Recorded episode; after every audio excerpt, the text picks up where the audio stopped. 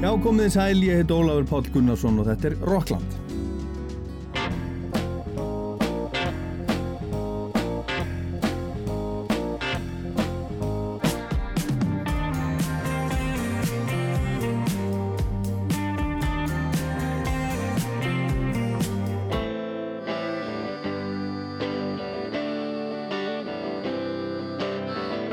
Í setni hluta þáttarins á ettir ætla ég að skoða aðeins nýju blötuna frá Iron Maiden, blötuna Senjutsu sem er 17. breyðskifa þessara lífsegu og skemmtilegu bresku þungaroksveitar en platan hefur fengið frábæra dóma og náði öðru sæti vinsaldalistans í Breitlandi og þriðja sæti í Ameríku og engin plata Iron Maiden hefur komið svo hátt á vinsaldalistan í Ameríku og þráinn Átni Baldvinsson, gítarleikari og séni úr hljómsveitinni Skálmöld. Hann sendir okkur hérna litla hugleðingu um þessa plödu, svona segir hann hvað honum finnst um Iron Maiden í dag og þessa nýju plödu en í fyrirlutanum ætla ég að spila alls konar nýja tónlist híðan og þaðan, íslenska og erlenda og allt sér valiða sjálfsögðu.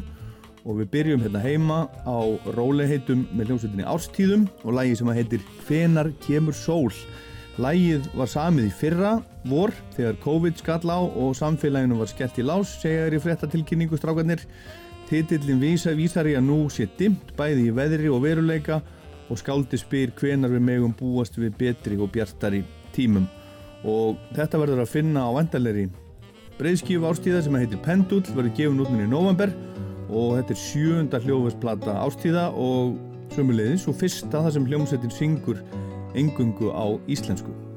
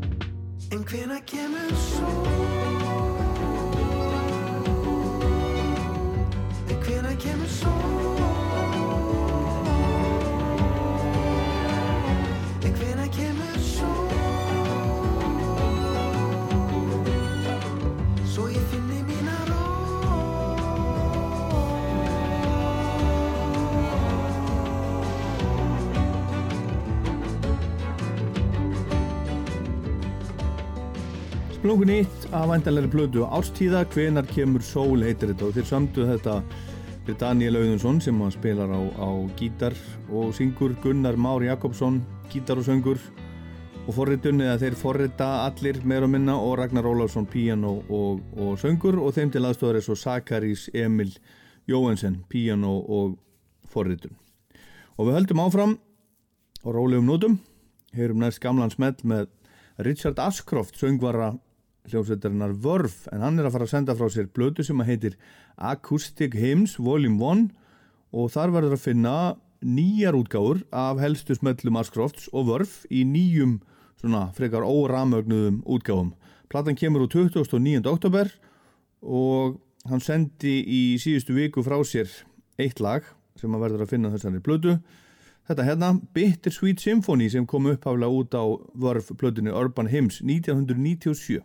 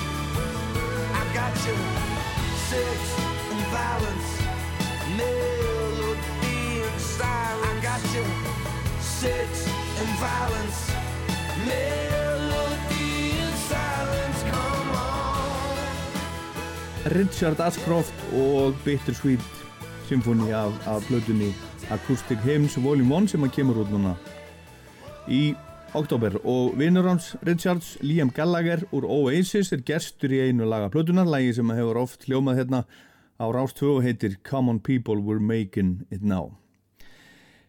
Næst splungu nýtt frá, frá hljómsveitinni War on Drugs sem að er bara eina mínum uppáhalds hljómsveitum hreinlega það er að koma út sama dag og, og þessi plata kemur frá Richard Ashcroft, kemur ný plata frá War on Drugs, hún heitir I Don't Live Here Anymore, þetta er 2009. oktober og títillægið kom út núna í vikunni sem leið, það er, um, það er fjögur á síðan síðan uh, War on Drugs gaf síðast út blödu, hún fyrir Grammy velun, hún heitir A Deeper Understanding og er algjörlega, algjörlega frábær. En svo kom líka út tónleikaplata í fyrra sem að heiti Live Drugs og hún er líka alveg frábær. Og þessi hljómsveit, hún spilaði hérna einu sinni á Æsland Erfels í, í valsheimilinu á undan Flaming Lips og það var alveg frábært, þetta er allt saman alveg frábært og, og um, þetta er fínasta lag hérna, War on Drugs, I don't live here anymore.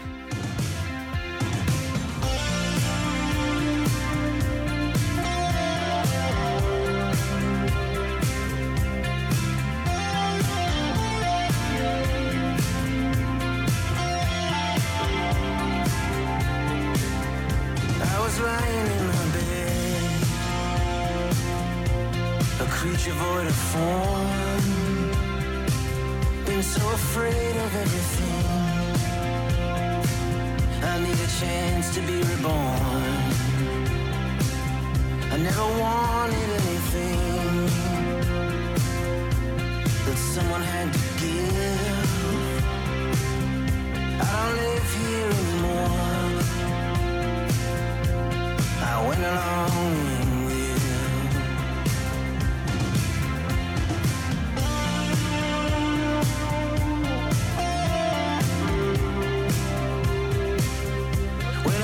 about the old days, babe. You're always on my mind. I know it ain't like I remember. I guess my memory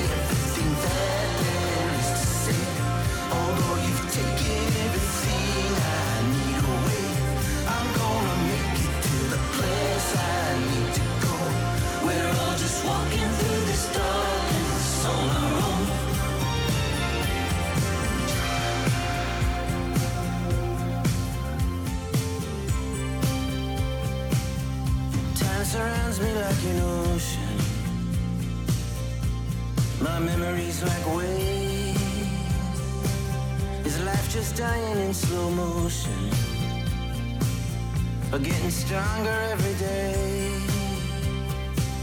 I never took our love for granted. You never left me wanting.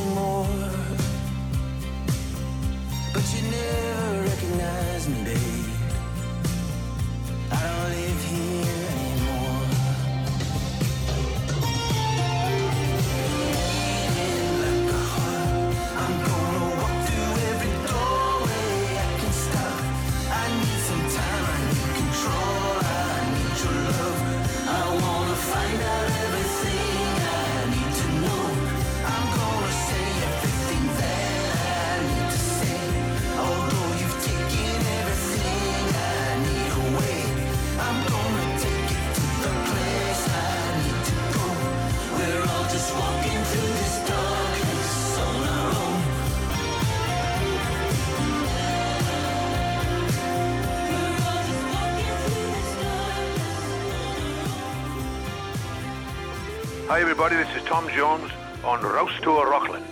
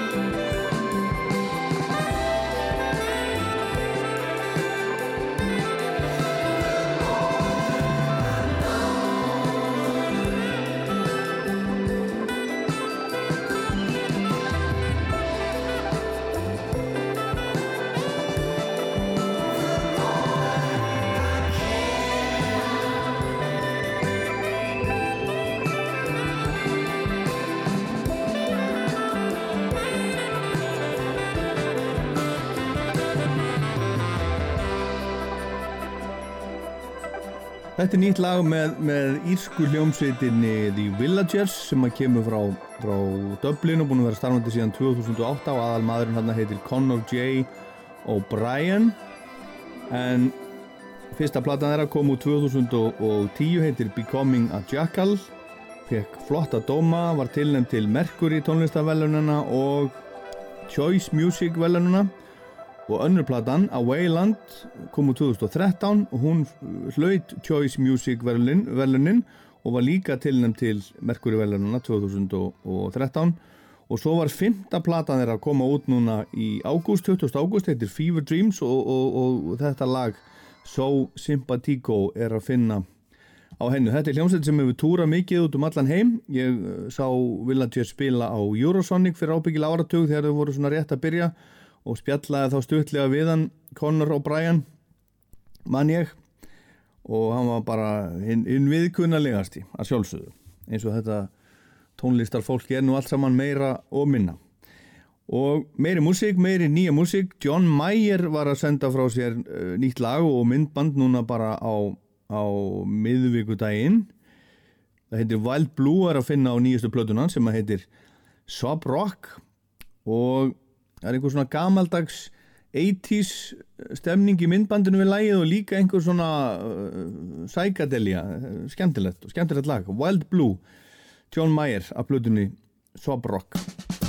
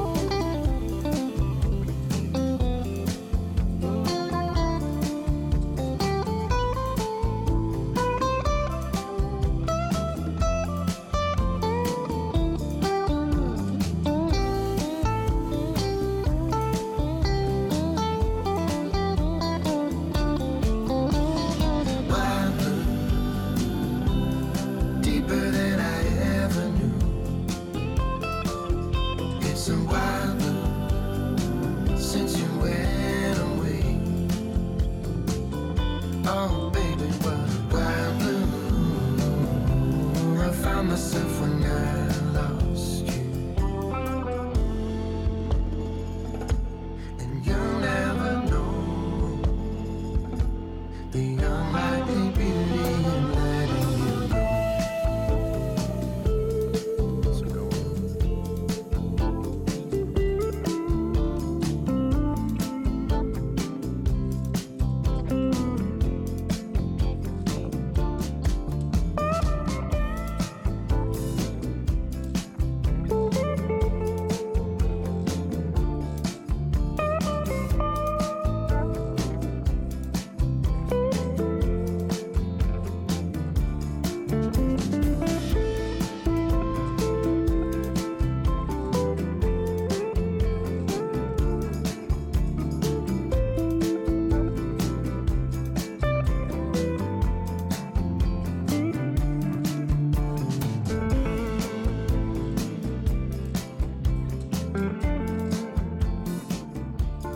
Og fint hjá, hjá John Mayer, Wild Blue af nýri plötu Sub Rock. Og meira nýtt. Þetta er allt saman nýtt hérna í, í Rocklandi í dag og svo er það nýtt frá Iron Maiden í setni hlutanum á, á eftir. En breska punk hljómsveitin já, það er svona það er ekki allir sammálu um hversu mikið punk hún séð hafi verið þessi hljómsveit en jú, þetta er ein af fyrstu punkljónsvöldunum The Stranglers sem kom hinga til Íslands 1978 hún er ennþá starfandi þeir hafa komið 23 lögum inn á top 40 í Breitlandi og 17 plötum inn á, inn á top 40 á, á plötusölu listanum í Breitlandi og Stranglers er, er elsta svona starfandi eh, hljómsveitin úr punkdeldinni í Breitlandi og átjánda platan þeirra hún kom út núna 10.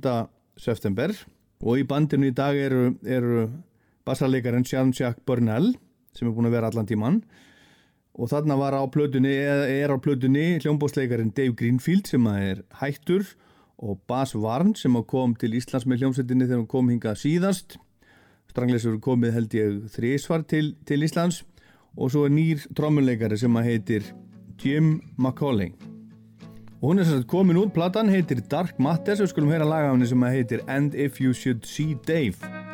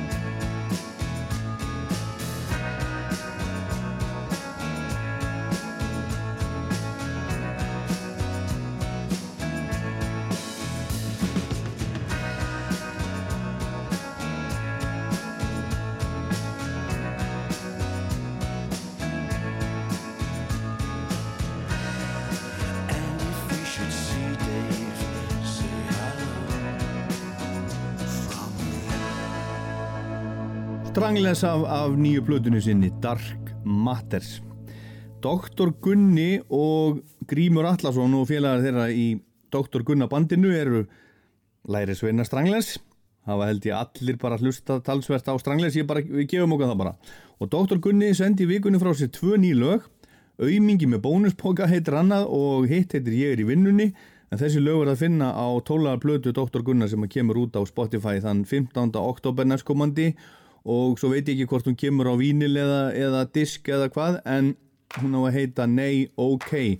Skulum heyra hérna, aumingi með bónuspoka. Ég er aumingi með bónuspoka Ég er aumingi með bónuspoka Ég er aumingi með bónuspoka. Og ríkið er búið að loka Allt mitt líf er byggt á falsi og líi Allt mitt líf er byggt á falsi og líi Allt mitt líf er byggt á falsi og líi Og það er engin líi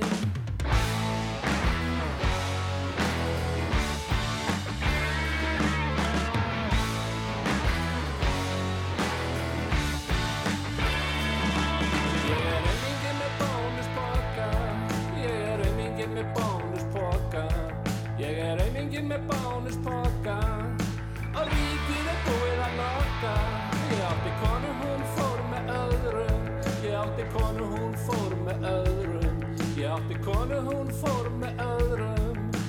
Svona er að megast með öðrum Ég dæli smá peningi spila kassa Ég dæli smá peningi spila kassa Ég dæli smá peningi spila kassa Á glöggum slegin trassa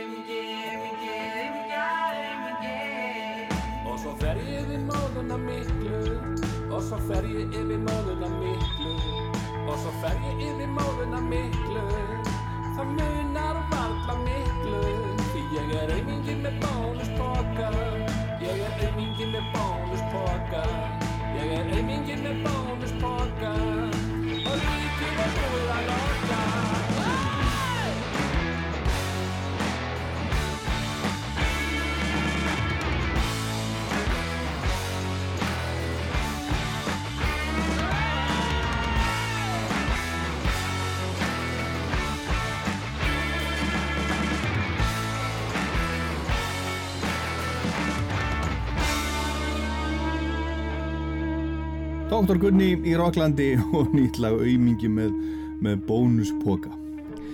Við förum næst til Afríku en frá Senegal kemur hann, hann Maher eh, Sissoko en ég held að maður eigi að segja það frekar en Kissoko, Maher Sissoko en hann er reyndar búsettur í Svíþjóð hefur spilað mikið og túrað mikið undan farin ár út um allan heim.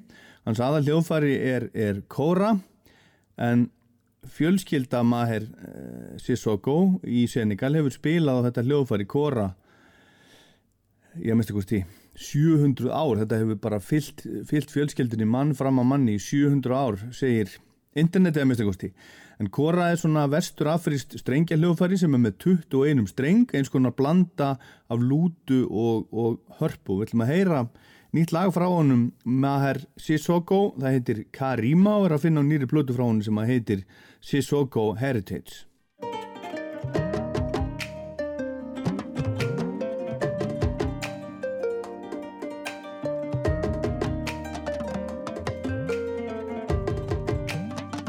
Karima bete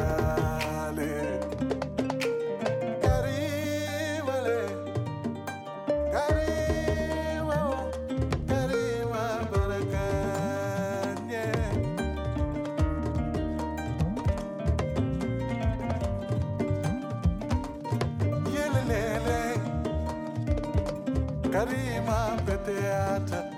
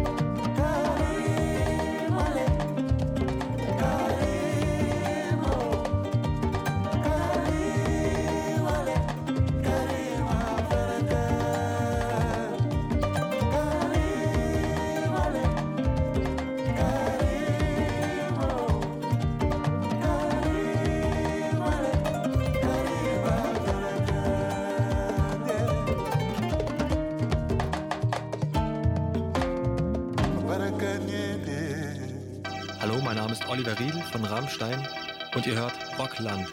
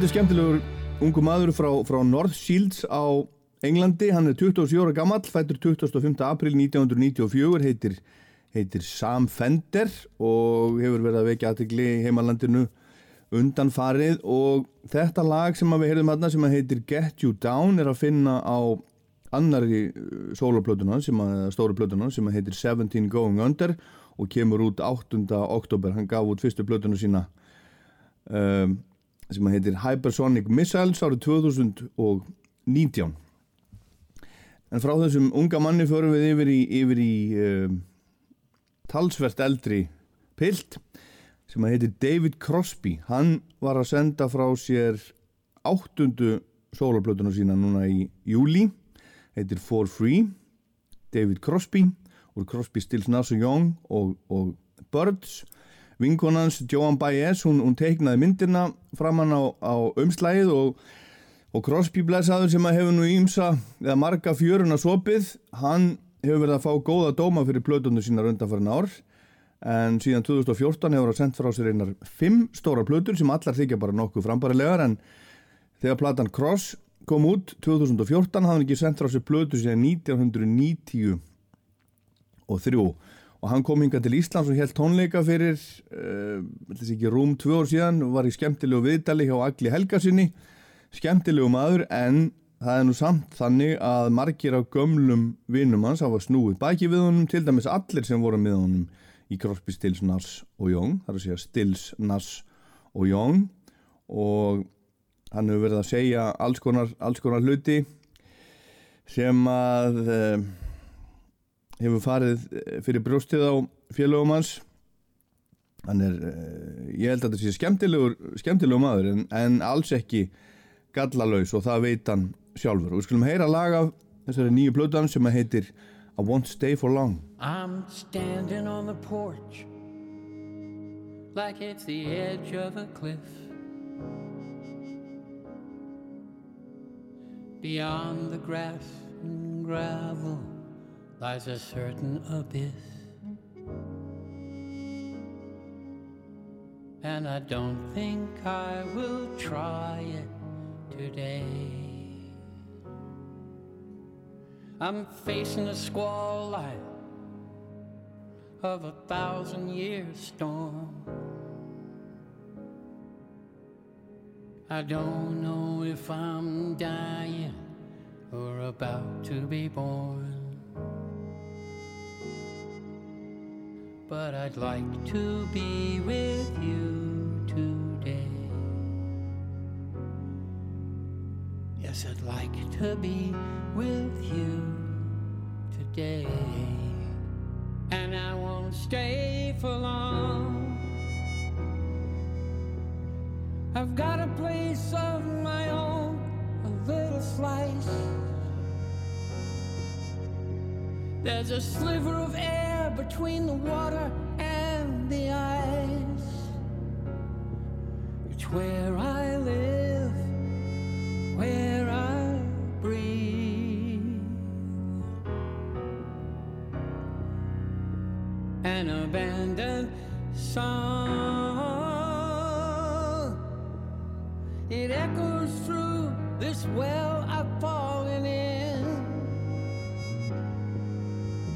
If I could just remember the smell of your skin, then I could live. I could breathe. I could breathe. I'm asking perfect strangers if I look to be alright. Like I lost an anchor in the ocean of my night. And I don't want you to see me this way. I won't tell a soul. I'll only worship the sun. I won't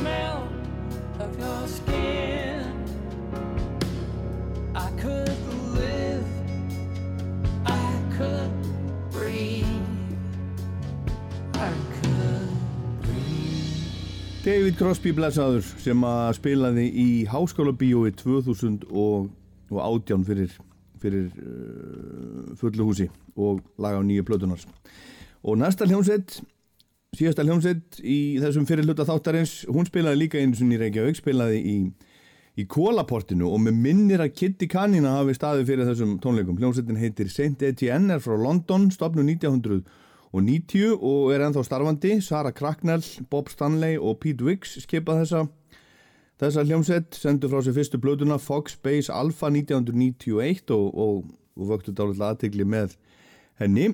Og nú var að koma út tíunda platan þeirra. Hún heitir I've been trying to tell you kom út tíunda september. Og skulum heyra lagafinni sem að heitir Pond House og svo minni ég á. Það er Iron Maiden hérna í setni hlutanum á eftir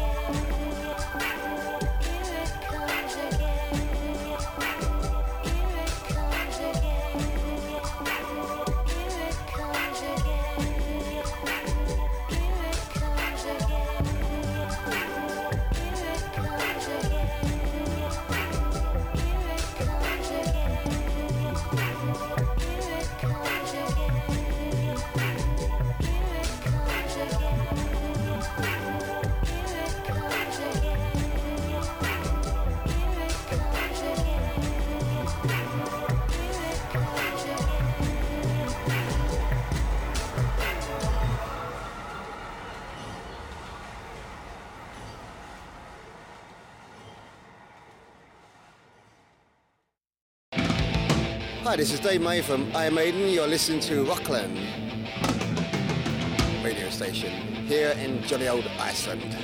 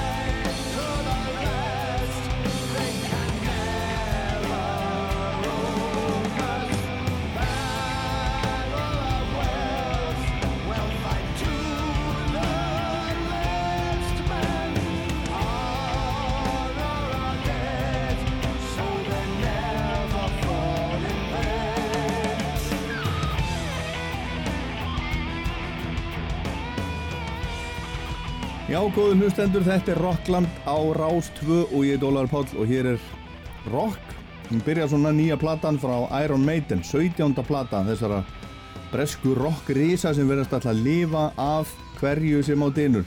Platan heitir Senjutsu eins og þetta lag, en Senjutsu er japanska og á ennsku stendur það fyrir Tactics and Strategy eða herrkænska og herrstjórnarlist en víst er það listgrein að, að stjórna herjum og hefur alltaf verið. Senjutsu er fyrsta plata Iron Maiden í næstum 6 ár. En 2015 kom út platan The Book of Souls sem er tvöfalt albúm eins og Senjutsu. Þetta eru, þetta eru langar plötur og lögin eru löng. Það eru 10 lög á Senjutsu og platan er rúmar 8-10 mínútur að lengt. Stista lagi er rétt rúmar 4. Eitt er næstum 10 mínútur. Eitt er 10-20 eitt 11.19 og eitt 12.38 og þessi löngu lög eru öll eftir bassalegaran og hljómsveitastjóran Steve Harris.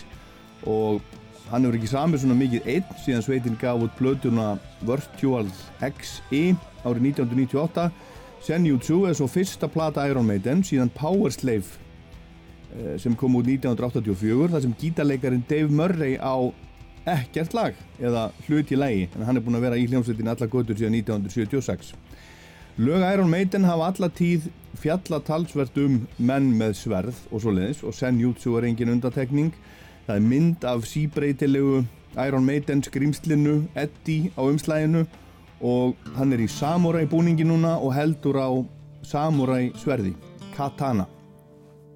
Við skulum heyra lægið Writing on the Wall sem er fyrsta lægið af Senjutsu sem að hljómsveitin slefti út í heiminn núna síðila sömars, drullu gott lag.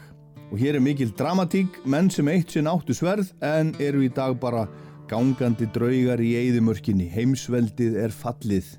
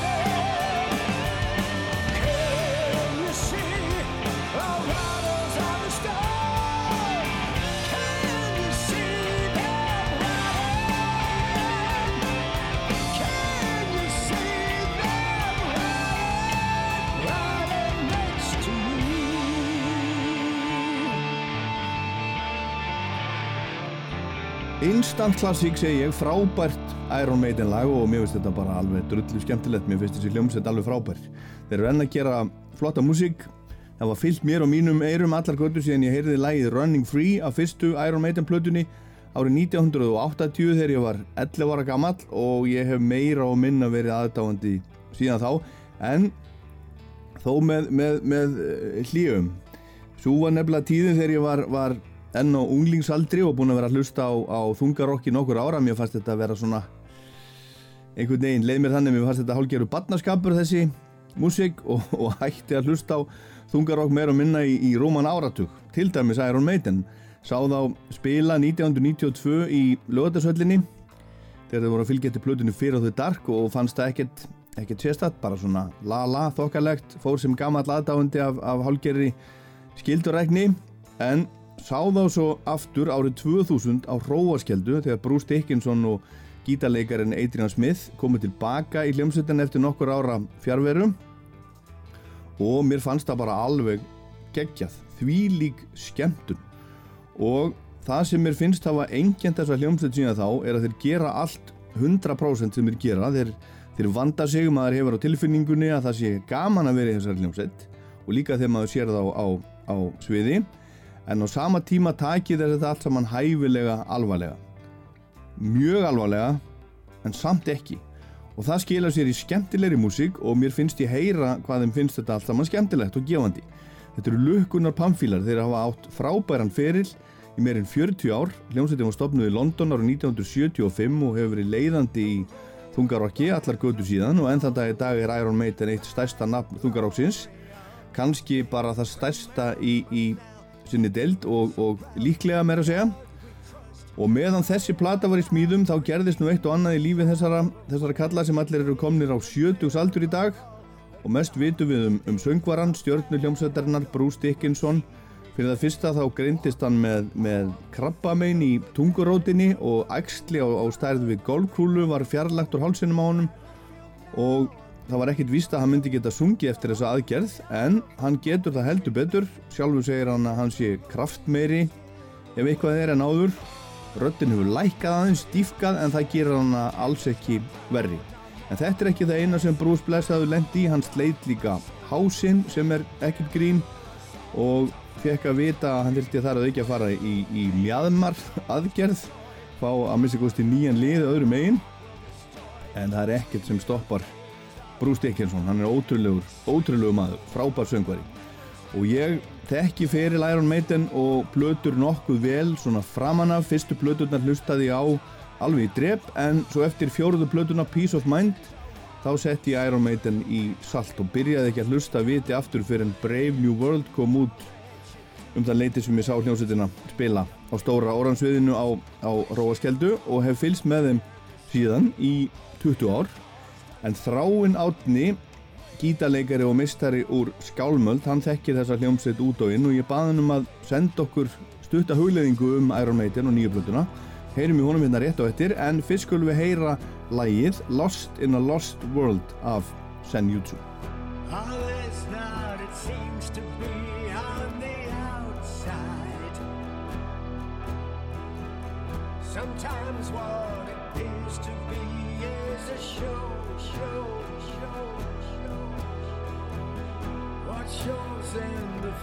is on.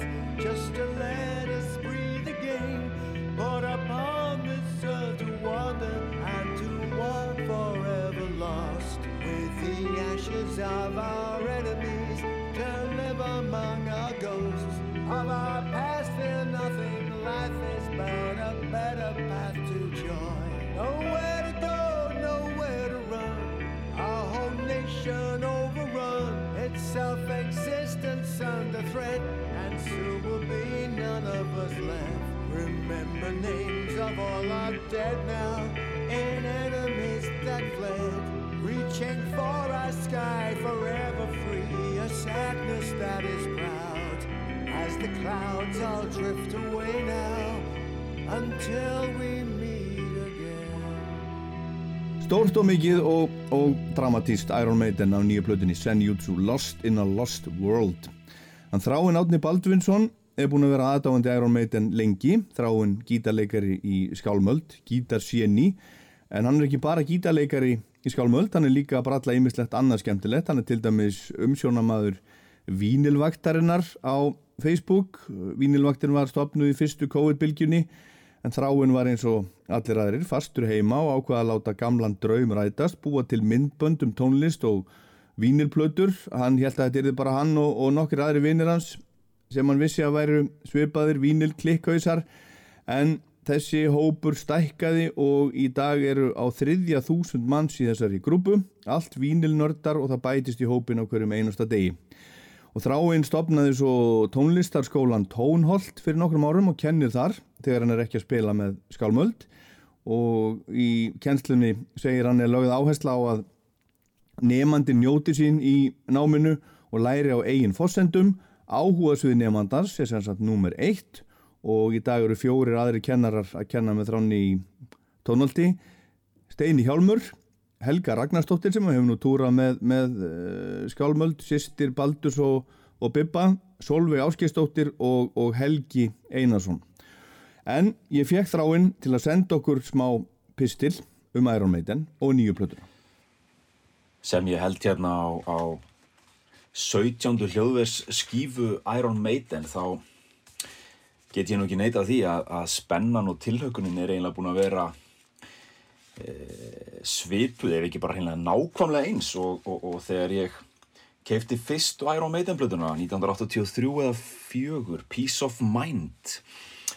E, og þessi spenna bara í gegnum tíðina sko þegar var að koma ný Iron Maiden plata Somewhere in Time 86 og svo framvegis. E, ég er alveg óbóðslega og var alveg óbóðslega spenntur að fá þessa plötu í hendunar og svona stutta útgáfan af þessum uh, pisli mínum, þessari, þessari hugleðingu er að þetta er algjörlega frábær plata. En það eru svona það eru ákveðin, á, ákveðin hlutir sem eru sem maður getur svona einhvern veginn tengt inn í gamla klassíska dótið. Uh, í fyrsta lagi þeir eru samkvæmið sjálfum sér þegar kemur að svona sögulegum pælingum. Þeir, þeir hérna þeir eru að syngja um, uh, um, um stríð og, og, og hérna, mannkinnsöguna eins og, og venjulega. Og það er ekkert sem kemur óvart þar.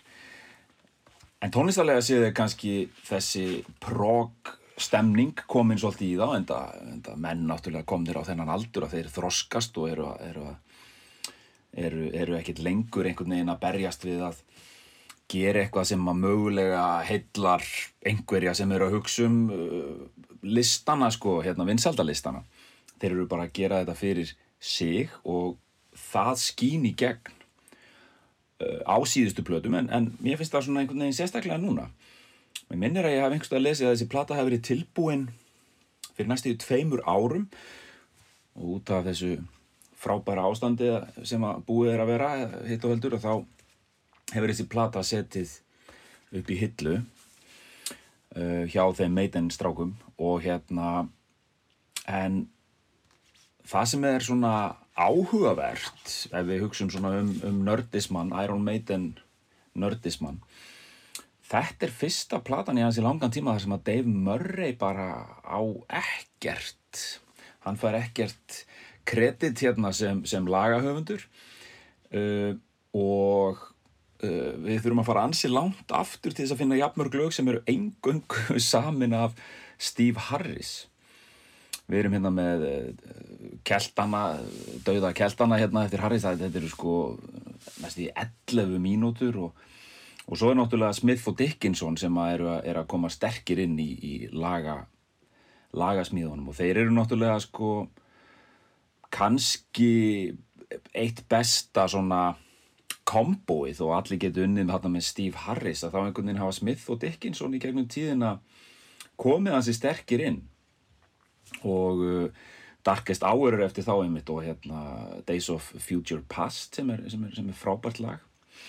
En kannski má segja að Steve Harris sé svona, þetta er ekki auðvitað soloplata en þetta er samt sko, hann er hann á þarna eitt af mínum uppáðslögum á plötunni, The Parchment Mennast í 13 mínútur og Hell on Earth og, og, og þar er aftur sko 10 eða 11 mínútur sko þannig að Harris er í einhverju svona það er, hann verðist vera í góðum gýr Maiden með 17. plötu sína, þú veist, þetta er svona ef maður pælir í sko þegar maður var að kaupa plötunar hérna á sínu tíma 84, 5, 6 sko og var að byrja mann hefði aldrei gruna að þeir ætti eftir að halda áfram og gera jafn frábærar plötur. Uh, Iron Maiden er svona eina af þessum hljómsveitum sem að, að, að mínum að þið gefa bara út frábæra plötur en það eru mis stórkostlegar Einn vinnur minn sagði nú einhvern veginn við mig þegar ég var að reyna að fylla upp í vínilsafni sko, með, með hérna, plötum frá hljómsveit sem að ég, það, voru nokkra plötu sem ég vantaði og þær er ekkert frábæra hann sagði hvað eiga er skilið að þú sést að kaupa plötunar ef þær er ekki frábæra þú ert að gefa bara þau skilabóð og kaupir ekki þessa plötu að því hún er ekki frábær. Og þetta hefur setið svolítið svona e, í hausnum á mér sko og þetta er, þetta er skinsamlegt sko. En með Iron Maiden að þá eru allar plötuna frábæra, þær eru bara með stórkostlegar og svona eina fáum hljómsveitum sem að ég virkilega hlusta á sem að einhvern veginn ná að halda þessu, þessum standard. Ég held að með þessari plötu eru þeir að, að gull tryggja sig sem eh, kannski svona klassíska rock hljómsveitin sem að ég, þeir eru einlega komnir í svo mikinn úrvalshópa þeir eru svona á, á, með Rush og, og Zeppelin og þessum, þessum böndum. Og það er einmitt hérna veist ég var að tala um að, að Dave Murray ætti ekki lag hér að þá getum við tengt það við sko Somewhere in Time þar sem að hérna Bruce Dickinson átti ekki neitt laga því að hann vildi einmitt þá fara yfir í örlítið meira prog og hann meiri sér stakk upp á því eftir Live After Death túrin sem að var að gera út af við eh, hann sérstaklega. Eh, hann vildi gera kassagítarplötu og, og, og svolítið bara svona Led Zeppelin prog. Eh, svona, svona hans orð, hann orðaði þetta þannig og Steve Harrison var ekki alveg til í það. Uh, og á Somewhere in Time 1986 eh, á Bruce ekkert lag nýja texta þar er aftur mikið af synthesizerum. Uh, og á þessari plötu er einmitt daldi mikið af synthesizerum og hérna ja, hljómborðum. Og hérna Steve Harris lemur þar hamrar á, á, á, á plast, plastleiklana sko það er hins vegar smekklega gert og, og hérna og mér finnst ekkert hérna gert til þess að vera með einhvers konar síndarmennsku þetta er, þetta er óðbóðslega heiðarlegt og það orð getur nú kannski gefið til kynna að hér sé ekkert verið að uh, vinna með uh, frumlegheit eða eitthvað svoleiðis. En, en þú veist, hvað viljum við þegar ný Iron Maiden plata kemur út ég maður þegar Fear of the Dark platan kom út 92 uh, þeir eru mitt komu hingað í júni 92, 5. júni minnum mig uh, að spila Iron Maiden þá einhvern veginn mann ég sko að- að að hlusta á Fear of the Dark plötuna og svo kom síðasta lagi, titillagi Fear of the Dark og ég hugsaði sko, heyrðu, þetta er bara sam, sko, það lag er bara, gæti hafa verið á hvaða plötu sem var uh, milli 80 og 90 þetta er bara klassíst Iron Maiden. Og ég var pínu svona pyrraðar á þeim tíma að þetta væri ekki meiri það væri ekki eitthvað nýtt í gangi. Uh, en í dag er það kannski lagi sem að hefur lifað á meðan að Fear of the Dark platan svona almennt er nú ekki talin stórkostleg. Þannig að sko þegar að þessar síðustu plötur ég vil nefna Dance of Death uh, Matter of Life and Death uh, og svo þessi bara til þess að nefna hér erum við bara með tónlist sem að á eftir að vera með okkur okkur Iron Maiden nördunum og sko eftir eina viku af sko stíf, stífum hlustum stíf, stífharis hlustunum stífum hlustunum að þá þá er það bara þannig að maður er alltaf að heyra eitthvað nýtt. Og ég veit það að þegar ég er búin að hlusta á plötunni í tvo mánuði þá, þá mun ég heyra eitthvað nýtt í þessum lögum. Og ég hérna með vínil eintaki mitt, þrjár vínilplötur sem auðvitað er allt of, allt of uh, mikið og, og hérna fyrir þá sem vilja bara eina vínilplötu þetta er auðvitað talsveit vesen. Þetta er bara svo stórkostlegt að, ég held að það sé langt best að þessi hugveikja mín hugleiðing verði ekkert mikið lengri og, og við hendum hérna parchment bara á, á, á fónin og, og, og dettum í góðan slaka. Allt er gott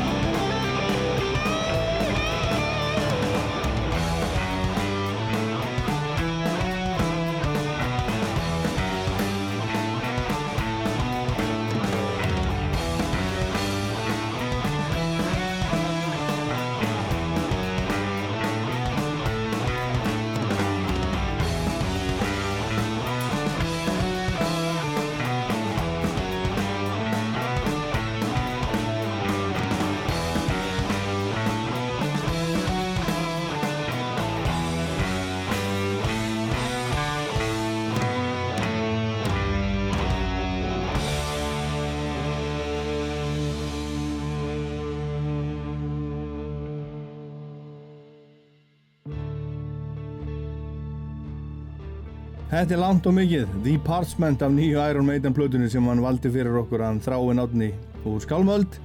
Platan fór hæst í annarsæti breska vinsaldalistans þegar hún kom út og þriðja sæti í bandarækjunum en engin plata Iron Maiden hefur náð svo hátt á vinsaldalistanum í bandarækjunum til þessa. Þannig að þeir eru ennþá, já, fólk hefur ennþá áhuga á Iron Maiden, heldur betur. Og ég ætla að slá botnin í þátt dagsins á því að, að rifja upp lag úr Sapni Rásar 2 frá síðustu tónleikum Iron Maiden á Íslandi. Egilsvall 7. júni 2005. Við vorum á staðnum og, og fengum að taka tónleikana upp.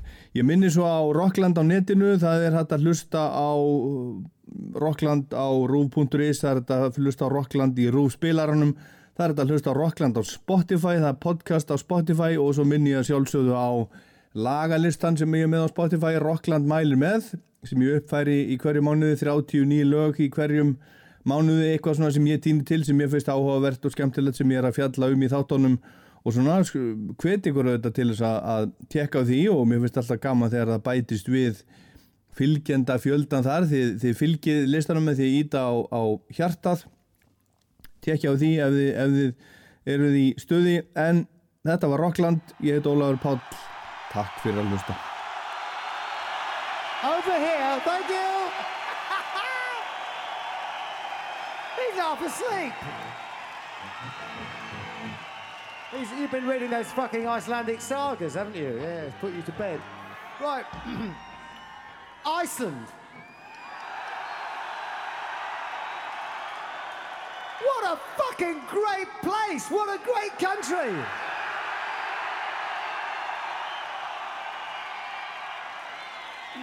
Right. We've had a really great time tonight. The guys are sticking around for a bit uh, in uh, Reykjavik. So if you see them tonight, you have to buy them a beer.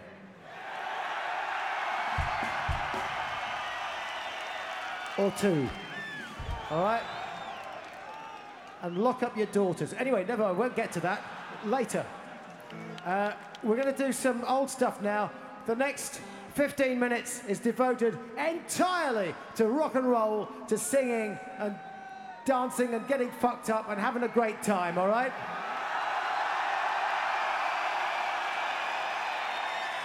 We are, by the way, going to be doing a brand new Iron Maiden album uh, next year.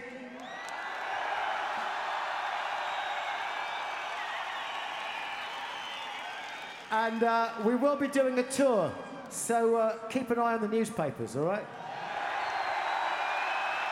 Till then, gonna leave you with this. This is Running Free! Come on! Hey!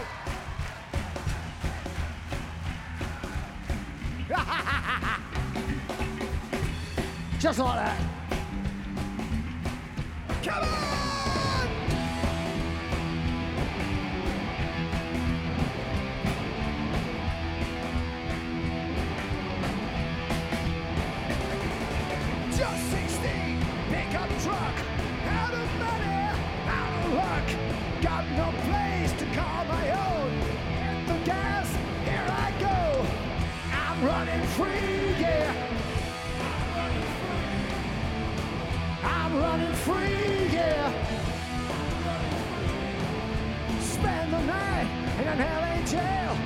Listen to the sirens wail.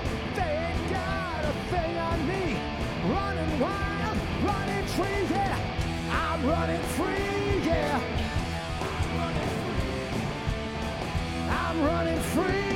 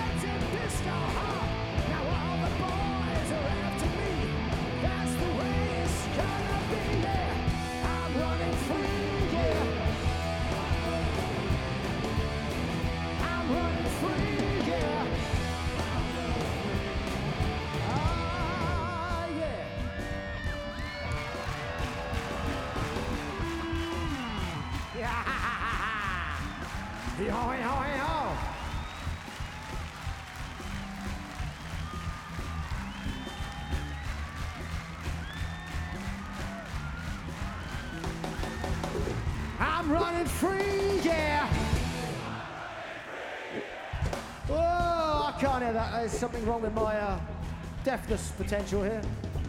I'm running free, yeah. Tell you what. Let me introduce over here on the bass guitar, Iceland. Mr. Steve Harris over here.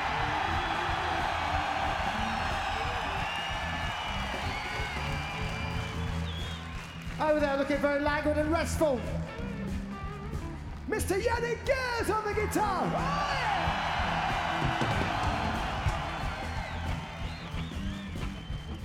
Over here walking the plank and playing it as well, Mr. Dave Murray.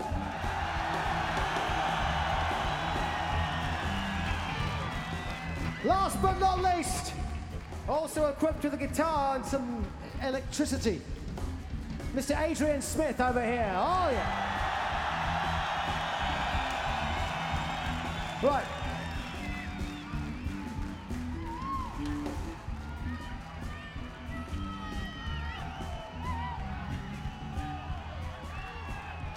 Oh, yes.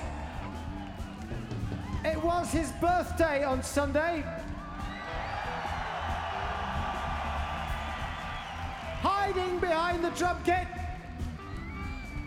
Noisiest member of the band.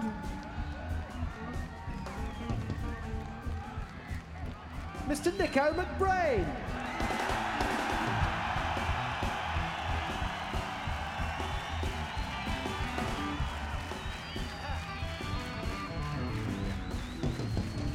Would you like to see, uh, would you like to get him to stand up perhaps? Why? Oh, well, never mind, we'll do it. Scream it loud enough, it'll come up like a jack in the box, right? No, it's not nearly.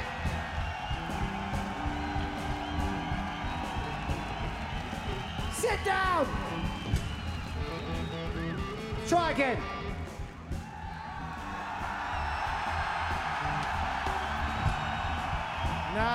Doesn't quite qualify. Let's try this, shall we? I'm running free, yeah! No, it didn't work. I think you have to scream it a little bit louder. Get to stand up again. This ugly bastard, I don't know why. I'm running free, yeah!